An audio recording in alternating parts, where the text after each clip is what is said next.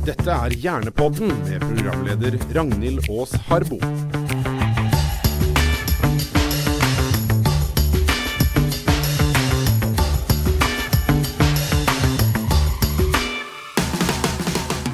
Hjertelig velkommen til Hjernepodden. Podkasten som skal gjøre oss både smartere, sterkere, litt sunnere og hjelpe til et langt og oppegående liv. Nei da. Jo da. Litt sant er det, fordi denne podkasten fra Hjerneråd det handler om hjernehelse. Og ikke føl deg dum nå hvis du ikke vet helt hva det betyr, for det er et ganske nytt begrep. Og kort og enkelt så handler det om helsetilstanden til hjernen din, og alt du kan gjøre for å få en sunn og sterk hjerne. For det kan du faktisk påvirke sjøl. Vi skal inn i hva du kan gjøre for å få til akkurat det, men først så må vi forstå oss litt bedre på hva hjernen faktisk er for noe. Og da er det ingen som er bedre å ha med seg enn deg, Kaja. Velkommen. Tusen takk. Skal jeg presisere her, Kaja Nordengen, både lege, forfatter og eh, hjerneforsker. Du har skrevet boka 'Hjernen er stjernen'. Og der, eh, jeg må bare starte med å spørre, hva var det som gjorde at du falt for hjernen? Jeg har alltid vært eh, blitt frustrert over ting jeg ikke har funnet svar på. Altså alltid stilt spørsmål. Akkurat når jeg kom til hjernen, så, har det, så stilte jeg mange spørsmål jeg ikke, nettopp ikke fant svar på, sånn som hvor er det tanken starter hen, f.eks. Eh, og det gjorde at Det er jo nettopp det en forsker gjør. Prøver å grave ned i spørsmål man ikke kjenner svaret på ennå, og prøver å være blant dem som i hvert fall bidrar bitte litt til å finne svaret. Ja. Så ja, det gjorde meg nysgjerrig. Det at vi, det fortsatt var en del ubesvarte spørsmål der. Men um, hva er egentlig hjernen? Ja, ehm, på mange måter så ville jeg sagt at det liksom var admundir i kroppen vår. det er liksom den som, den som styrer, eh, styrer alt. En ting er hvordan vi beveger oss, men også hvordan vi tenker, hvem vi er, eh, alle valg som tas. Alt det er jo hjernen vår. Og det, hjernen er eh, egentlig en gruppering av nerveceller og støtteceller, som også ser ut til å kunne ha en viktig rolle, i tillegg til å være støtteceller også som i signalering, da.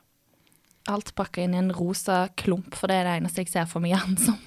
Den her rare klumpen som allikevel er så abstrakt, liksom. Ja, jeg skjønner hva du mener. Eh, og så bra du sier at den er rosa, for den går liksom for å være liksom grå substans ytterst. Men i et friskt menneske så er den rosa. Ja, ikke sant? Ja, det det. Men du skriver Altså, tittelen på boka di er jo 'Hjernen er stjernen', ditt eneste eh, uerstattelige organ. Hva menes med det? Altså, så, eh, du Da kommer vi egentlig litt tilbake til hvem hva, Hvem er jeg? Hvem er du? Mm. Ikke sant? Altså, du ville jo vært deg uten Altså om du hadde fått en hjertetransplantasjon. Mm, ja, det er sant. Så du ville fortsatt vært deg. Eh, eller om du hadde fått eh, ny eh, bukspyttkjertel, eller altså Lunger. lunger, Ja. ikke sant, alt sånt, så ville det fortsatt vært deg. Men hvis nå Teknisk sett så klarer vi jo ikke å gjøre en hjernetransplantasjon ennå. Nei. Men dersom man hadde klart det Hvis, hvis eh, Si at jeg da hadde vært utsatt for en ulykke, Mm. og, blitt, og hjernen min hadde blitt ødelagt, men alle andre organer funka. Mm. Sånn at jeg var hjernedød. Og så hadde eh, du hatt multiorgansvikt og trengt alt dette, ikke sant? Så hadde man kunnet satt hjernen din i min kropp. Ja. Hvem hadde, Hvem mm. hvem hadde på en måte jeg Hadde jeg vært meg, eller hadde jeg vært Jeg hadde jo sett ut som meg.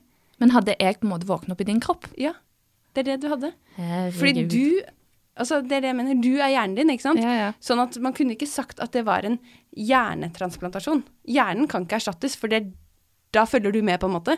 Det ville heller sagt at det var en fullkroppstransplantasjon. Du hadde fått alle mine organer og huden og whatever, men, men de, den som våkner opp, den som ville sett ut som meg, ville ikke kjent igjen min mamma og pappa. Det er jo Åh, ja, ikke sant? Tenk hvis jeg hadde våknet opp som deg en dag, da. Ja, Da hadde du selvfølgelig kjent igjen dine foreldre, men ikke mine foreldre. Nei, sant det. Herlighet. Men eh, hva Altså, den her hjernen, da, som er den her nå har jeg etablert rosa klumpen, men som kanskje har litt grått utpå. Eh, Nei, rosa, det rosa, kan vi til. Ja. annet utenfor kroppen. Eh, hva, eh, hva er den bygd opp av, egentlig? den er bygd opp av, av nerveceller og støtteceller og, og blodårer. Hva er støtteceller? Støtteceller, det er det vi kaller er egentlig sånn gammeldags ord, det å kalle det støtteceller, eller egentlig sånn medisinsk også, så sier vi gliaceller. Det betyr glia betyr lim. Eh, og det handler om hvordan man trodde at de cellene bare var lim mellom nervecellene, på en måte. Eller støtteceller, det samme, at det bare støtta opp. Men nå har man jo funnet ut at de har egne selvstendige, viktige funksjoner i hjernen. Eh, så da er det De har roller både som en del av immunsystemet i hjernen, eh, for å rydde vekk alt det du ikke vil ha der. Eh, og også for å bidra til blod-hjerne-barrieren, f.eks. Og også i signaleringa mellom, mellom nerveceller og innad i en nervecelle. Eh, men eh, det er jo veldig mange ting her i denne verden som har hjerne. Men det er jo bare vi som har sendt eh, folk til månen. Hva er det som er så spesielt med vår hjerne sammenlignet med andre dyr? Eh, ja, det er egentlig veldig interessant, eh, interessant spørsmål, syns jeg. For mye er jo felles, ikke sant. Alle, alle dyr må kunne puste og spise, ikke sant. Og det også styres jo fra hjernen. Og det, de på en måte sånn evolusjonært sett eldre delene av hjernen har jo vi òg. Sånn, sånn at uh, det som eh, det som styrer hjerterytmen, eller hvordan du puster og alt sånt, det har vi, og det har også, hvis det er lov å si det, lavere sånne dyr. men, eh, men det som bidrar til å gjøre vår hjerne unik, er jo at vi har så veldig mye hjernebark. Og det er akkurat som barken på tre, så er liksom hjernebarken det det ytterste på hjernen. Mm. Og der er det vi har mer sånn planlegging, eh, at vi logisk tankegang, altså hvor vi Og også det som eh, vi klarer En ting er at vi har, har alle disse tankene, men også at vi klarer å sette det sammen og samarbeide med andre, sånn at én kan løse én viktig gåte, en annen kan løse en annen viktig gåte, og så til sammen. Det er jo ikke én person som har bygd eh, Som alene ville kunnet alt for å sende noen til månen. Nei, sant det. Det, det er et team. Mm. Men eh, vi har jo eh, Bare sånn forstå denne her hjernen Altså, vi har, vi har jo forskjellige deler som er lik de som er dyr, ikke sant? eh, som du sier, bare at hjernebarken vår er tjukkere. Men hvordan har utviklingen vært, da? Liksom fra menneskets opprinnelse til i dag? Eh, hvis du tenker fra menneskets opprinnelse, tenker du på da eh, Homo sapiens liksom Ja. for 200 000 år siden? Ja, ja, som oppfant eh, hjulet og ilden og liksom til der vi er i dag.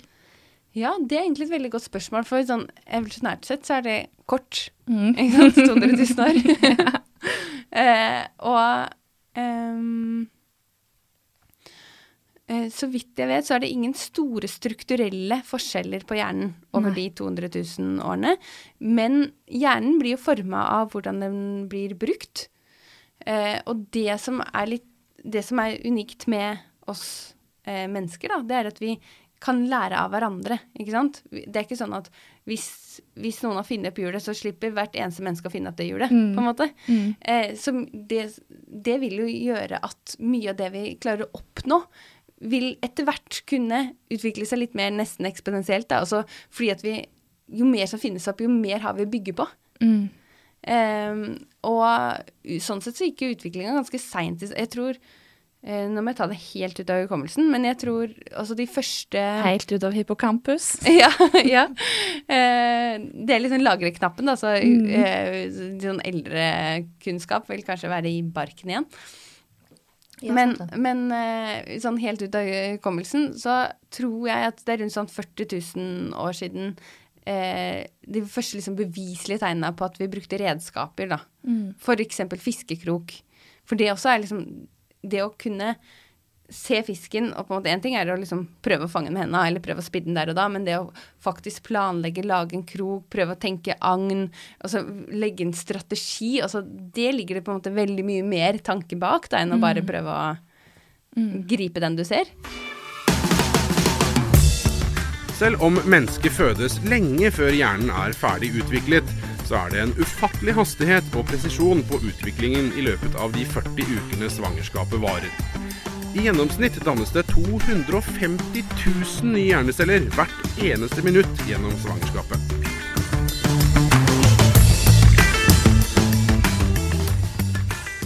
hvis du hadde blitt født eh, for eh, si 5000 år siden, Mm. eller enda lenger tilbake, og blitt oppdratt altså med den samme hjernen du har nå, men bare i annen tid, Mm. eh, da hadde du blitt påvirka av det, eller hadde du vært smartere enn de rundt deg da? Kanskje veldig kort tid sånn eh, evolusjonsmessig, det, men Ja, eh, skjønner du spørsmålet? ja, jeg skjønner, skjønner, eh, skjønner spørsmålet ditt. Og jeg må prøve å, eh, å rydde i begrepene, på en måte. For en ting, når du sier eh, Sånn som når vi snakker om smart, da. Hvis man da tenker på intelligens. Mm. Eh, så, sånn som det måles vitenskapelig i dag, så er det IQ. Mm. Eh, og det er Den er ikke kulturuavhengig, eh, den IQ-testen. Sånn at eh, sånn som jeg er oppdratt i dag, med, her i Norge, eh, så, så er det sånn at ehm, Da er jeg, er jeg så Jeg blir pepra med så mange mm, mange symboler, og sånn at jeg, jeg er vant til å se den litt mer abstrakte verden.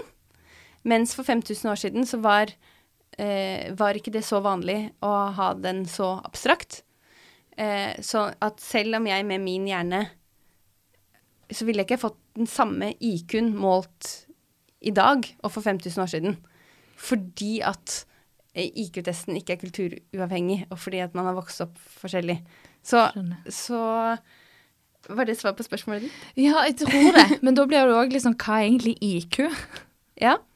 Eh, så, og det må man være klar over begrensningene til. Ikke sant? Du kan ikke eh, du, eh, IQ kan du på en måte bruke til å eh, sammenligne innad i sammenlignbare miljøer. Altså inn, innad i Vesten, f.eks. eksempel. Men du kan ikke gå ut til en, en stamme som eh, aldri har jobba med abstrakte symboler før, og, ta, og så ta en IQ-test full av abstrakte symboler og bare Å ja, du scora dårlig. Da er du dum. Altså, det er jo ikke Altså Mm. eh, Du kan ikke sammenligne sånn på tvers av, av kulturer helt uten videre, da. Nei, skjønner. Men eh, nå eh, Du har jo barn sjøl. Mm. Eh, og hva, hva er det som skjer fra liksom en et foster til en et voksent menneske i hjernen? Ja, og så ehm, i eh, altså sånn helt fra fosterstadiet så er det jo eh, Altså vi starter jo med, eh, I utviklinga så har vi liksom en plate som etter hvert blir tre. Tre cellelag, ikke sant, og så bøyes det inn, og så kommer eh, Og så kommer eh, utviklinga av hjernen og ryggmargen. Eh, så liksom fra at det bare er et cellelag, og egentlig en grop da, i et cellelag, til hjernen i dag, så skjer det jo enormt mye, selvfølgelig. Og sjølve hjernen, eh, for mange av de andre organene, de er jo også nesten ferdigutvikla i første trimester, og så er det vekst. Mm. Mens hjernen, den utvikler Den er overhodet ikke ferdigutvikla i første trimester, eller andre, ikke tredje engang. Og så eh, når barnet er nyfødt, og så er det jo visse perioder hvor hodeomkretsen øker med en centimeter i uka. Altså det er så enormt mye. Ja, og den hodeomkretsen øker jo for hjernen vokser Ja, ja, ja. ikke sant, som presser skallen ut. Så det skjer enormt mye i en, barne, i en barnehjerne. Og eh, under utviklinga da, så er det Da vokser det ut nye greiner fra nervecellene og møter nye nerveceller. Egentlig så vokser det ut altfor mye greiner. Sånn at eh, det er mye mer forgreininger av nervecellene hos, eh, hos barn da, enn det er hos voksne. Og da er det liksom det i ungdomsåra, det er det vi kaller pruning, eller beskjæring, hvor du faktisk får færre, færre greiner igjen, da. I ungdomstida? Oi, hva Men det, da blir på en måte hjernen mindre fleksibel, kan du si, men mer effektiv. Fordi du fjerner alle de, de greinene du ikke bruker. Så når du er ungdom, så fjernes greiner i hjernen? Eh, ja, det høres jo Ja. litt brutalt ut når du sier det på den måten. Men eh, nervecellene har jo masse forgreininger.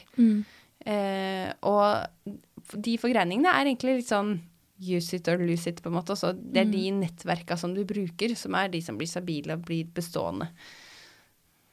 Men eh, Og vi vil fortsatt kunne få nye sånne greiner, som voksne og som gamle også. men den der eh, overproduksjonen av forgreining som man ser i, i barneåra, den blir på en måte rydda litt opp i ungdomsåra. Det høres jo ja, sånn, altså, brutalt ut. Ja, ja, ja, ja innser på, påvirker det ungdommene på noen måte, da? Så jeg snakker vi om puberteten her, egentlig, eller er det Eh, Ja, mye av puberteten er jo egentlig mer hormonelle, hormonelle påvirkninger. Men um, ja, det er ikke altså, Sånn grovt sett så vil jeg si bare det at man er eh, litt mindre fleksibel, eh, men litt mer effektiv på mange måter. Og, men hjernen er jo ikke også sånn den forreste delen av hjernen, som er liksom den den, vi kaller den prefrontale. Det er liksom Front betyr jo foran, og pre betyr også foran, så det er liksom foran foran. Det aller, aller forreste. Den prefrontale hjernebarken, der er det liksom eh, veldig mye av, eh, av de funksjonene som vi trenger for, for, for planlegging og for, eh, eh, for å se konsekvenser av handlinger og sånt. Den delen, den er ikke ferdigutvikla før vi er i midten av 20-åra. Nei, sant vel. Så ja, selvfølgelig vil jo hjernepåvirkninga, eller hjerneutviklinga påvirke hvordan ungdom tenker, f.eks. ved at man eh, At det når man blir eldre, blir lettere å se konsekvenser av handlinger, f.eks. Mm. Så det at eh, ungdom eh, oppfører seg eh, litt sånn uforståelig fra et voksens eh, ståsted, er egentlig ikke deres feil? Hvis vi skal dem en liten Ja, det- håndstrekning nå. Eh, ja, ja, vil ikke kalle det håndsrekning. fordi, eh, Sorry, da- venn, det er bare hjernen din For da kommer du over ikke egentlig enda større spørsmål, som jeg syns absolutt er kjempeinteressant, som er fri vilje. Ja, sant. Ikke sant? Fordi, OK, er det Kan du bestemme handlingene dine selv, eller er det bare et resultat av hvordan hjernen din er? Mm. Og er det sånn at vi, eh, når vi kan mye, mye mer om hjernen enn vi kan nå, kan, er det sånn at vi da kunne forutsagt at eh, Vi kunne nesten satt en person i fengsel på forhånd, for han kommer til å bli en drapsmann. På en måte, Ut fra hjerneskanninga. Eller har man et valg oppi dette uansett, og i så fall, hva er det valget? Så Nei, jeg vil ikke kalle det åndsrekning. Nei, ikke sant. Men at det, for, at det forklarer litt mer at folk gjør ting som kanskje ikke er Jo så da, smart. Det er Da. jeg enig i. Ja. Eh, absolutt. Altså både, eh, både hormonpåvirkninga og ikke en ferdigutvikla hjerne eh, vil kunne delvis forklare en del av det, ja. Mm. Det er riktig. Men vi mennesker bruker altså 25-ish år på altså utvikle hjernen vår fullt. Ja, det kan du si. På å nå toppen, og er det deretter er det nedover. Å nei, nei. Nei. Visste du at hjernen er ekstremt mottakelig for lyd og musikk helt fra fosterstadiet? Et nyfødt barn foretrekker morens stemme og er mindre stresset når hun synger enn når hun snakker.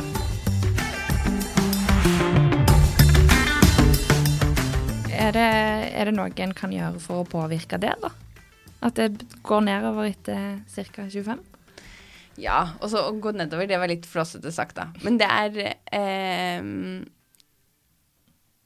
eh, På mange av strukturene sånn så På størrelse, eksempel, så nå, vil jeg heller si at man når et slags platå før det etter hvert går nedover. Eh, mens noen jo kan begynne å redusere i størrelse allerede rundt 25-30, 30 kanskje. Mm. Eh, men også, som du sier, da er det noe man kan gjøre. Det er det jo alltid. Og, og så eh, bare det å leve Så de generelle kostholdsreglene og, og både det å spise sunt og det å trene fysisk er kjempeviktig for hjernen òg. Mm. Ja, for der hører vi jo liksom, har vi jo lært på skolen at det, det er viktig å trene, fordi da holder du kroppen sunn og frisk. Men det holder Og også så- hjernen Ja, Og så har det òg veldig mye å si for hjernen, altså. det har det. Mm. Og så er det i tillegg det å bruke hjernen, da. Altså bruke huet. Eh, trene kroppen og trene hjernen, kan du si. Eh, og det ser ut, i hvert fall ut til at det å eh, ha et altså mentalt krevende jobb som gjør, eh, som gjør at du eh, blir utfordra i hverdagen, Mm. eller ha en høy utdannelse f.eks., at det ser ut til å eh, være positivt for hjernen å gjøre den mer robust. Mm. Hva helsegevinster eh, har det da å spise sunt og trene og holde hjernen i aktivitet? Eh, helsegevinster Nå tenker du på for hjernen, fordi Ja, ja, det er gode helsegevinster også selvfølgelig for hjerte og blodomløp og sånt også. Eh, men for, eh, for hjernen så vil det jo være det at, at eh, når du lever sunt og trener f.eks., så vil du jo eh, bidra til at det ikke eh, at det ikke blir så mye mm, avleiringer i blodårene, sånn at du får bedre blodtilførsel til hjernen, oksygentilførsel til hjernen, mindre risiko for f.eks. slag. Eh, men selv om du har det, hvis du har eh, Hvis du eh, trener hjernen også, så vil jo på en måte Hvis sykdom rammer, så vil du ha flere ner- nervecellenettverk å gå på, kan du si. Fordi når, hver gang du, når du lærer nye ting, så lager du egentlig nye nettverk i hjernen. For da vokser det ut nye sånne forgreininger som vi snakka om i stad. Um, og da vil, eh, det vil Det er en del studier som har sett på sånn at hvis du f.eks. trener opp venstrehånda, så vil du kunne se at den hjernebarken som styrer venstrehånd, blir fysisk tjukkere da på en hjerneskanning. Men er det dette som menes med når en sier at hjernen er plastisk, at den kan endres? Ja, mm, det er det egentlig. Mm. Eh, for, før så var det sånn at man trodde at, eh, at liksom når man var voksen, så var hjernen uforanderlig. Men Mm. det er den ikke i det hele tatt. Og så eh, den Det er i, bitte litt, I noen grad så kan det dannes nye nerveceller, men hovedbiten her, det er at du har de eksisterende nervecellene, men at det kan dannes nye forgreininger som vil bidra til da nye nettverk. Vil det òg da si at personligheten vår er til dels plastisk, siden personligheten sitter jo i hjernen, gjør den ikke det? Jo, Som vi har snakket om. Personligheten sitter i hjernen, men vi regner ikke den som så veldig plastisk, Nei. egentlig. Eh, Altså, ehm, sånn som hvis man snakker om personlighetsforstyrrelse, for eksempel, da, Mm. så diagnostiserer man riktignok ikke det før man er voksen. Men, eh, men like, til tross for det så ser man at de eh, karaktertrekka egentlig følger den litt fra barneåra. Mm.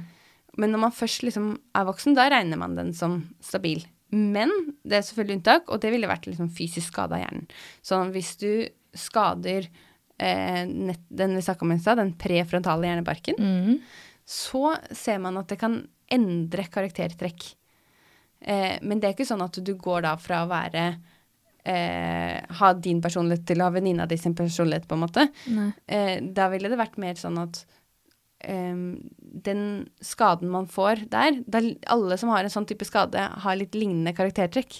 Hvis du skjønner hva jeg mener? ja, ja. I- Altså at du blir, gjør, handler annerledes fra hvordan du hadde gjort før, da, eller? Ja. Ja. Mm -hmm. um, jeg snakka med, med ei jente som hadde skada den prefrontale hjernebarken sin, og hun, hun sa at eh, ja, nei, eh, før da ville jeg typisk blitt lege eller psykolog, men nå interesserer jeg meg ikke for det lenger. Og han jeg er sammen nå, han, sånn som jeg var før, kunne jeg aldri vært sammen med han. Wow. Eh, men Men når man skader eh, Du får på en måte litt mindre hemninger når du, ofte når du skader den prefrontale hjernebarken. Sånn at eh, det, eh, du kan bli litt mer sånn eh, frittalende på mange måter. Ja. Eh, på godt og vondt, da, selvfølgelig. Eh, og, og det kan være vanskelig Altså Du kan få litt sånn lettere for hangups, f.eks. Sånn at du Jeg må gjøre ferdig med det. At du blir litt mer rigid. Eh, og så det er masse sånt som er likhetstrekk da, ved Mm. den type hjerneskade. Eh, men hvis du ser bort fra hjerneskade, så regnes eh, personligheten som, som, eh, som veldig stabil. Mm. Og så kan du selvfølgelig eh, trene på å endre uvaner, men det er ikke personligheten. Ja, for da er det på en måte forskjell mellom personlighet og type sånn eh, interesse eller hva en er opptatt av, som jo kan endre seg over tid. Mm. Det kommer vel fra miljøet, da, eller er det Ja, det er miljøpåvirkning, Ja. selvfølgelig. Også sånn eh, Det er jo en del interesser du ikke ville hatt, som du ikke har, kanskje fordi du ikke har vært eksponert for dem noen gang. Og det er det her som blir sånn, sånn abstrakt, sånn når du går inn i hvem er vi egentlig, og hvor kommer det fra, og alt henger sammen med, Ja. med hjernen. Mm -hmm. og så elsker jeg at vi nå sitter og nerder om det organet vi bruker til å nerde med. ja, det er enig. Det er enig. Det blir veldig meta.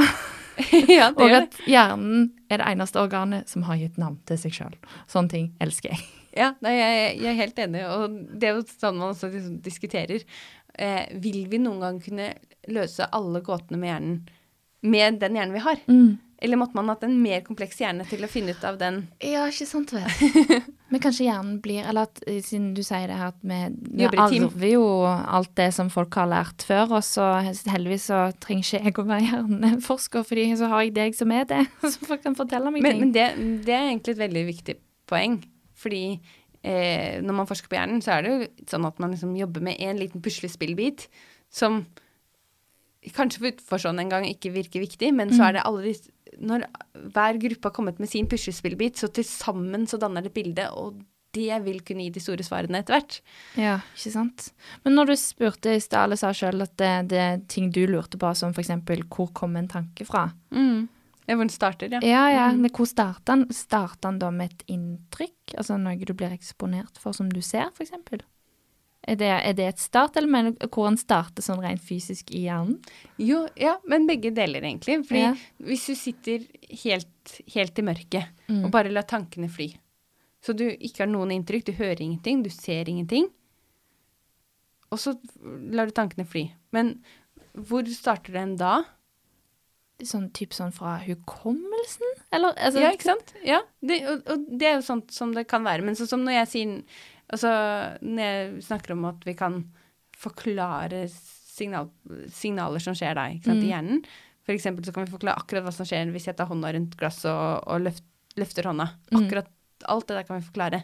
Men vi kan ikke Hvordan skulle vi forklart at jeg valgte å bruke akkurat det som eksempel? Åh, ja, sant vel. Hvor kom på en måte ideen om å bruke det eksempelet fra? Altså et sted må den prosessen også ja. starta. Herlighet. Har du forska på dyr på sånt? da? Altså, fordi det, det starter vel sånn hvis du løfter et glass med vann, så handler det om at du er tørst. Altså, er det noe sånt rent Ja, jeg, jeg skjønner hva du mener, men sånn som nå så var det bare for å, snakke Nå drakk jeg jo ikke engang. Nå var det Nei. bare som et eksempel til deg om at vi kan forklare signalveiene ut til armen og tilbake. Nå verker det i hjernen min fordi at jeg tenker så hardt. Fun fact, vi kan ikke ha vondt i hjernen. kan vi ikke? Nei. Hva er hodepine, da? man kan til og med operere hjernen mens pasienten er våken. Nei. Men hva er da hodepine? Det Er ikke Ja. egentlig hjernepine? Nei, det, Nei. Det, men det føles sånn. Jeg er helt enig. Det føles Ah. absolutt sånn. Men stort sett da, så er det muskler utapå, utapå skallen. -huh. Eh, og så Vi kan ikke ha vondt i selve hjernen, men vi kan ha vondt i hjernehinnene. Så Ja, da hvis du er dehydrert et eh, Mm. søndag, Som man jo er.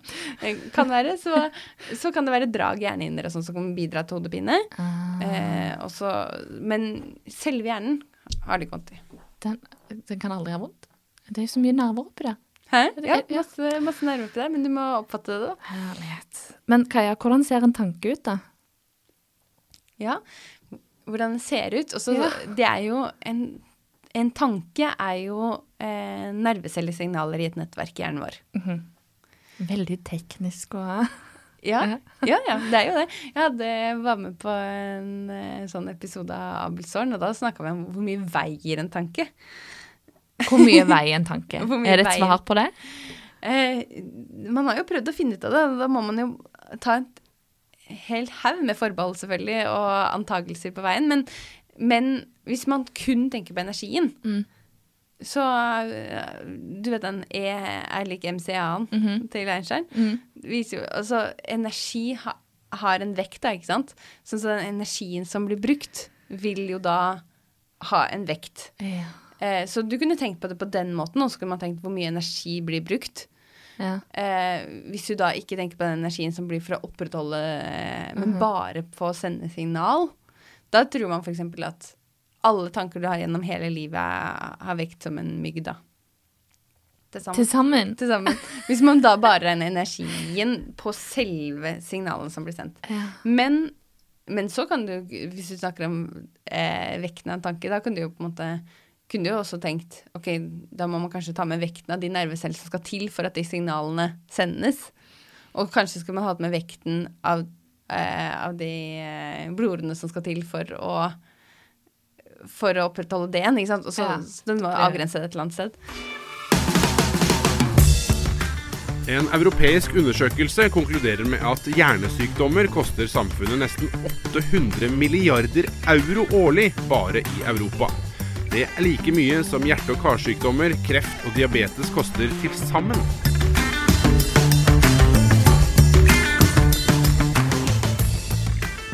Men du sier at vi ikke kan ha vondt eh, i hjernen. Men hvis du har hatt eksamen eller eh, hatt en eh, tung dag på jobben der du har tenkt veldig mye, så kan du føle deg helt sånn ør i hodet.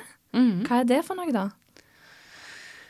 Godt spørsmål. Hva, eh, hva skulle man forklart det med? Jeg kjenner, kjenner, igjen, eh, kjenner igjen følelsen. Det er liksom en muskel som er sliten. på en måte. Du orker ikke bruke hodet mer, så du bare går hjem og så øh. Eh, Føles det som om hodet veier fem kilo mer enn det vanligvis gjør. Ja, ikke sant? Føles som man liksom, eh, hodet skal sprenges, og at du aktivt må glemme noe for å gi litt Ja, ja. Bare sånn, nå kan ikke jeg løse fem pluss fem en gang, på en måte, fordi det er dumt. Ja, ikke sant? Nei, det vet jeg faktisk ikke. Det, eh, sånn kvalifisert gjetning, så ville jeg så, så ville jeg tenkt at eh, Ville jeg jo liksom tenkt at mye av det kunne vært løst med økt eh, energiinntak. Ja, ikke sant. Og så eh, For man eh, Hjernen bruker veldig mye energi. Mm. Hjernen bruker er jo bare 2 av, av kroppsvekta vår, Mm, og bruker 20% av energien. mm, ja, sant. Og den må jo hvile. Ja, og, og det også syns jeg er kjempeinteressant. Det å tenke på med Altså, vi, vi har jo ikke Det er jo et eksempel på enda en ting vi ikke har helt eh, 110 Mm. forstått ennå. Det er søvn. For hvis vi tenker sånn, Nå begynte vi jo med å snakke om evolusjon. Mm. Og tenk i et evolusjonært perspektiv hvor sårbar man gjør seg når man sover.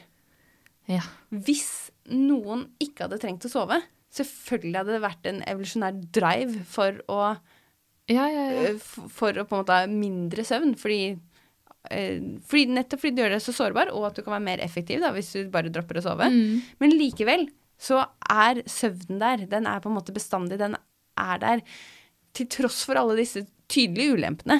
Mm. Eh, så den må jo være enormt viktig for oss.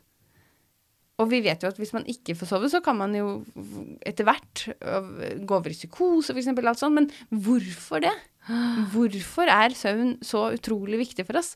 Eh, der har vi bare noen sånne bitte små puslespillbiter.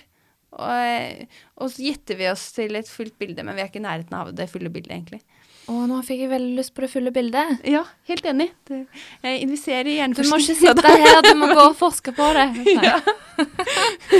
Shit, ja, for det er jo så det, Du tenker nesten ikke over det engang, du bare gjør det. At det Ja, for det er som sier at hvile, liksom. Ja, du kommer hjem, og hodet er slitent, og du må hvile, og så kan du legge deg til å sove, og neste dag så funker det utmerket igjen. Men vi skal heldigvis ha en helt egen episode om søvn, så skal vi gå, prøve å gå litt inn på hva det egentlig som skjer, og Det hvorfor jeg er veldig lurt, for det er et kjempeinteressant Ja, tema. det er det, altså. Hvordan funker egentlig kaffe på hjernen? Eh, ja, også kaffe virker jo stimulerende på, på hjernen vår og bidrar til at, eh, at vi føler oss mer våkne når vi ikke er vant til det.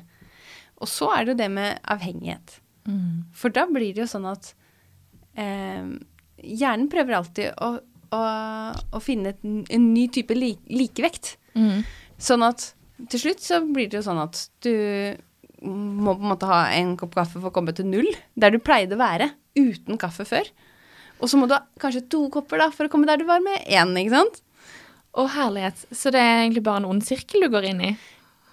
Ja, ja. Krisemaksimering her nå? Ja, det, ja, det kan man, kan man si, og det har man liksom diskutert sånn forskningsmessig også. Liksom, eh, det er så vanskelig når man skal gjøre forskning på effekten av kaffe, å finne noen som eh, eh, ikke, ikke drikker kaffe. For vi eh, som, som en kontrollgruppe, ikke sant? Mm. Men, eh, men ja, da kan man bare liksom ha en sånn hvit periode. Det gjør jeg i hvert fall. Ofte en hvit periode om sommeren. Så dropper jeg kaffe en periode, og så kan jeg liksom begynne på null igjen. På. Men er det fordi at eh, kaffe ikke er bra for oss, det, da? Nei, det er ikke, kaffe er ikke noe okay. gærent for oss. Nei. Det var jo veldig godt fall- veldig I hvert du sa. fall ikke når du tar filterkaffe, f.eks. Mm. Mens kokekaffe og sånn kan øke kolesterolet, og sånn sett indirekte være negativt for hjernen, da. Ok, men så det du sier at når du eh, våkner om morgenen, hvis du er vant til å drikke kaffe, Når du våkner, så er du på en måte i minus én. ja. så må du opp til null, og kanskje enda høyere hvis du Eller, ja. Mm. Så du øker toleransen for eh, ja. mm. Mm. Det, det, egentlig kan man se på kaffe som et rusmiddel i, i så måte. Mm. Og så, ja, så, så, sånn ville det på en måte vært med, med heroin òg. Man må ha litt for å komme, litt for å komme til eh, Du kommer på minustida når du ikke har noe. Ja. Da får du abstinenser. Ut kaffe vil du liksom få deg ja, ja. kaffeabstinenser. Og så må du liksom bli kvitt det. Og så hvis du skal noe ordentlig effekt, så må du øke dosen. Fordi du føler deg jo våknere når du tar en kopp kaffe. Mm. Eh, og det, det vil du gjøre både pga. koffeinet Mm. og pga. forventningen. Åh, Er det placebo med kaffe? Ja, jeg tipper at du ville følt deg mer våken av en koffeinfri også, hvis du ikke visste at den var koffeinfri. Jøss. Men okay, så, men er det det samme for eh, alkohol, da? Eh, altså alkoholikere, da?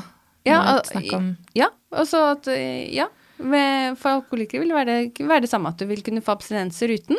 Og så kan du ta litt for å roe abstinensene, og så kan du, hvis du skal liksom ha noe ruseffekt, så må du høyere opp i De òg er på minus én eller to eller tre. Ja, jeg tror de fleste, fleste som har abstinenser, vil føle at de er på minus én. Um, men sykdom, Kaja. jeg. Hva er en hjernesykdom? Ja, altså Det synes jeg Akkurat det syns jeg Hjernerådet har gjort veldig bra. At når man, fordi i eh, Hjernerådet har inkludert eh, psykiske sykdommer i hjernesykdommer. Som selvfølgelig er helt riktig. Ja. Men, men eh, sånn Fagmiljøene har vært litt eh, oppdelt, sånn kropp og sinn, sånn fra gammelt av. mm. Eh, og det må vi jobbe oss mot mer samarbeid og mot en større fellesskap. Her har vi samme organene, ikke sant. Mm. Eh, og det er en kunstig oppdeling i den psykisk og fysisk, sånn som, sånn som det egentlig eh, er i en del sånn, medisinske retninger. Det er ikke sånn at du har psykiater og psykolog, og så har du nevrolog og nevrokirurg, ikke sant. Ja. Og så kan eh, noen ganger psykiatere og psykologer glemmer det fysiske aspektet, og så kan psykologer og, og leger glemme at det, det er ikke bare bevegelsesforstyrrelser, men det kan kanskje gi depresjoner, det kan gi psykoser, det kan gi personlighetsendringer, ikke sant, sånne ting også. Jøss. Ja, for hva er, hva er det som er en Eller er det forskjell i det hele tatt mellom en fysisk eh, altså i anførselstegn hjerneskade eller hjernesykdom, heter det vel, og en rent sånn psykisk? Er det, er det et skille der? Um, eh, nei, jeg vil ikke si at det er et helt klart skille, Nei. eller kanskje ved at skillet er litt mer på eh, symptomene. Altså hvis symptomene gjør at du blir eh, får dårlig balanse, eller at du får epileptiske anfall, eller at du på en måte Symptomene gir seg utslag kroppslig, eh, så kaller vi det eh, Så havner det ofte under nevrologien, da. Mm. Men hvis symptomene er at man er nedstemt, eller eh, at man hallusinerer, så kommer det inn under psykiatrien. Mm. Mens egentlig så er det jo hjernesykdom i begge deler. Eller alle sammen. Yes. Men kan du se, kan du se på en hjerne om, om det er depresjon eller schizofreni, eller altså Er det noe du kan Som Mm, spores rent fysisk i hjernen? Eh, man jobber jo med det. Mm. Man jobber med å, å finne de svarene. Problemet, sånn jeg ser det i hvert fall, er litt at man eh, eksempel på depresjon, da. Det er jo et symptom. Ikke sant? Altså, det, du er nedstemt. Det er symptomet. Mm. Og da kaller du det depresjon. Ja. Mens eh, jeg tror at når vi finner enda mer ut av hva som skjer i hjernen, så ville man kanskje hatt annen, en annen inndeling, subinndeling av det igjen. Det ville vært som å kalle brystsmerter en sykdom. Mens brystsmerter er et symptom. Det kan Sånn, være blodpropp i lungene, det kan være hjerteinfarkt, det kan være muskulært. Det kan være masse forskjellige årsaker bak det symptomet. Mm. Eh, og det, det samme vil jeg tenke på nedstemthet. Altså eh, over tid, sånn som vi nå har vi definert ut fra symptomene. Når vi finner ut eh, mer av hva det er i hjernen, så ville man kanskje hatt det som har med det ene signalstoffet, f.eks. serotonin, ville du kanskje kalt én ting. Og det som har med et annet signalstoff, f.eks. dopamin, ville du kanskje kalt noe annet. Kanskje ville det til og med vært serotonin i de områdene, ville du kalt noe. Serotonin i et annet område ville du kalt noe annet. For det her, det er det som eh, Det her er jo liksom helt på nervecellekontaktnivå. Ikke sant? Det er ikke sånn at eh, man har en kjempestor skade som man ville sett ved det blotte øyet hvis du hadde hjernen, hjernen foran deg, men det er kanskje mer en ubalanse, sånn som man ser på det nå. Mm. Og de eh, antidepressiva, sånn som lykkebillige f.eks., det endrer bare balansen i de i en av disse eh, signalstoffene. Mm. Men altså, fordi Parkinson, for eksempel, ja. har du på den ene sida, og så har du ja, schizofreni eller bipolar lidelse eller angst. Altså ting som for meg bare liksom er sånn sky av et eller annet psykisk, kanskje bortsett fra parkinson, da. Ja, okay. men, men, jeg er enig. Det, det er sånn det oppdelinga er nå. Mm. Mens eh, jeg mener at den oppdelinga der mm. eh, gjør at vi glemmer å se hele pasienten litt. Fordi, sånn som eksempel på parkinson. Så tenker man ok, parkinson. Da tenker man bevegelsesforstyrrelser. Man tenker kanskje sånn risting og skjelving, mm. redusert balanse. Alt sånt. Men det, det, er jo mer ved parkinson. Hva, det er ikke sikkert det Forskning tyder jo på at det kanskje ikke engang begynner med det, men du får ikke diagnosen før du har det, for det er sånn det er definert. Nei, men, det, men de andre symptomene kommer kanskje enda før. Eh, og eh, nå har man en sånn et av behandlingsalternativene for parkinson er en sånn dyp hjernesimulering. En, et annet eh, behandlingsalternativ er å ta et, en, eh, et sånn signalstoff i tablettform som heter dopamin, L-dopa. Mm. Og da, eh, da så man at de, de, som fikk sånn dyp hjernestimulering, de fikk kontroll på bevegelsesforstyrrelsene sine. Så de kunne slutte på denne L-dopa-tabletten. Ja, og så så man at oi, og så ble de deprimerte. Og så hjalp det når de tok halv dose av dopamin igjen. Og så Det er på en måte en sånn del som man liksom typisk overser litt, fordi man tenker på Parkinson som en bevegelsesforstyrrelsessykdom. Men alt spores tilbake til hjernen? Ja, ja, ja, ja altså, poenget mitt er bare at eh, vi den oppdelinga psykisk og fysisk blir kunstig. Vi, vi, må på en måte huske på at vi snakker om akkurat det samme organet, og, og se begge deler. Så her er det egentlig ganske mye en ennå ikke har funnet ut av, sier du? Ja, ja, det er mye vi ikke har funnet ut av, men det er mye vi har funnet ut av. Og den oppdelinga som Hjernerådet gjør med at hjernesykdommer omfatter både parkinson og angst og depresjon, som du snakka om, det syns jeg er helt riktig. Og så er det ganske mye en kan gjøre for denne hjernehelsen som vi allerede har vært inne på. Hva, hva mener du bør gjøres nå framover, liksom, for å få litt mer fokus på det?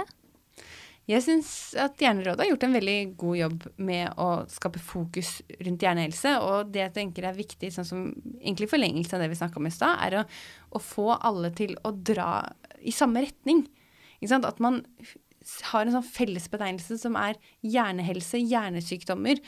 Eh, og dra i samme retning. Litt sånn som, som Kreftforeninga klarer, selv om det er masse forskjellige undersykdommer. Og også gjøre det her. Og samarbeide mellom, mellom, faggrupper. Hva kan vi gjøre da for å få en bedre hjernehelse?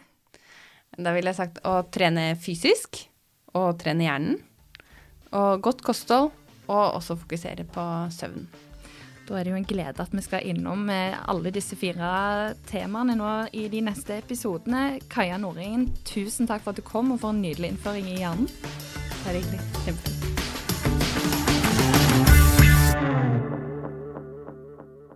Denne podkasten er produsert av Tid og Lyst for Hjernerådet. Med støtte fra Ekstrastiftelsen.